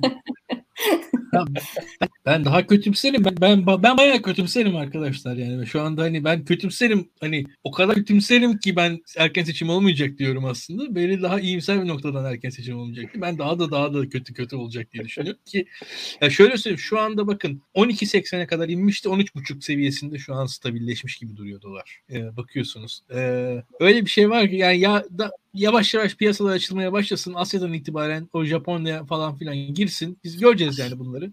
Ee, Çankaya gibi sandıkları ilginç. geldikçe İlkan Çankaya Aynen öyle. Bu iş biraz ona benzer. e, bakalım yani bakalım bu, bu hükümetle biz e, dün tanışmadık. Yani ben bu hükümetle daha dün tanışmadım. Ben bu hükümetin nasıl iş yaptığını biliyorum. Onun da hani bu ekonomi yorumu değil, siyaset yorumu. İstanbul sandıklarının nasıl bir sırayla açıldığını, nasıl bir sırayla işlendiğini de biliyorum. Yani bakalım yani beraberce görelim. Birazcık daha erken yorumlar olduğunu düşünüyorum. Ee, Bu arada Durmuş Beril bir diğer- şey söyleyeceğim. Bu stratejinin de yani bugün açıklanan programın da e, Erdoğan'a çok önceden teklif edildiğini veya Erdoğan'ın çok önceden böyle bir plan içerisinde olduğunu sanmıyorum. Yani kendisinin de bugün haberi olmuş olabilir. Ee, ya ona katılıyorum ama şu var yani çizdiği e, şey hep aynı öyle bir patern var yani krizleri Evet. yaratıyor krizlere e, hani spontane bir şekilde çözüm getiriyor ama e, bunu e, sonuçta Erdoğan'ın bir başarısı da bunu kendi seçmenine kendi istediği şekilde aktarabilmek ve bunu onlara kabul ettirebilmek. Burada faiz arttırımı yapmadığını, üstü örtülü bir faiz artım, arttırımı yapmadığını e, bir şekilde seçmenine kabul ettirecektir diye düşünüyorum. Ben günün sonunda insanların marketten nasıl çıktığına bakarım. Yani e, yüksek fiyatlardan dolayı mutlu mu çı- çıkıyor, mutsuz mu çıkıyor? Yani hani tek parametre bu benim için. Hayırlısı diyelim. Hayırlısı diyelim. Peki toparlayalım başlayalım o zaman. Çok teşekkürler. Güzel bir yayın oldu, uzun bir yayın Biz oldu. En kısa zamanda bir araya geliriz o zaman yine. İnşallah, inşallah. Umarım iyi akşamlar herkese. İyi akşamlar. İyi akşamlar.